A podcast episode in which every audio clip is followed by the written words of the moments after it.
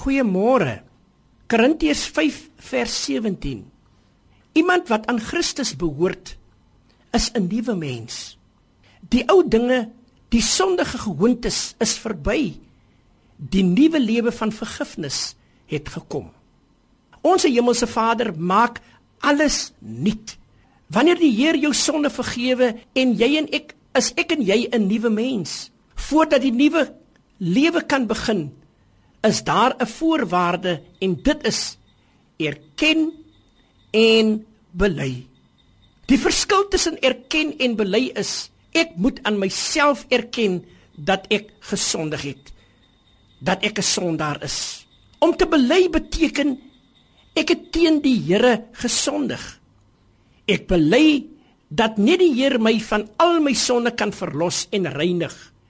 En net hy kan my 'n nuwe mens maak want sy bloed reinig my van alle sondes. So sê die woord van die Here in 1 Johannes 1 vers 7.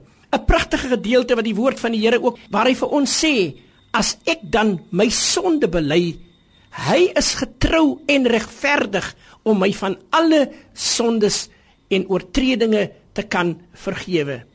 Weet jy waarom red vergewe hy vir jou en vir my? 2 Timoteus 1 vers 9. Hy het ons gered en ons geroep aan om hom toegewy te wees.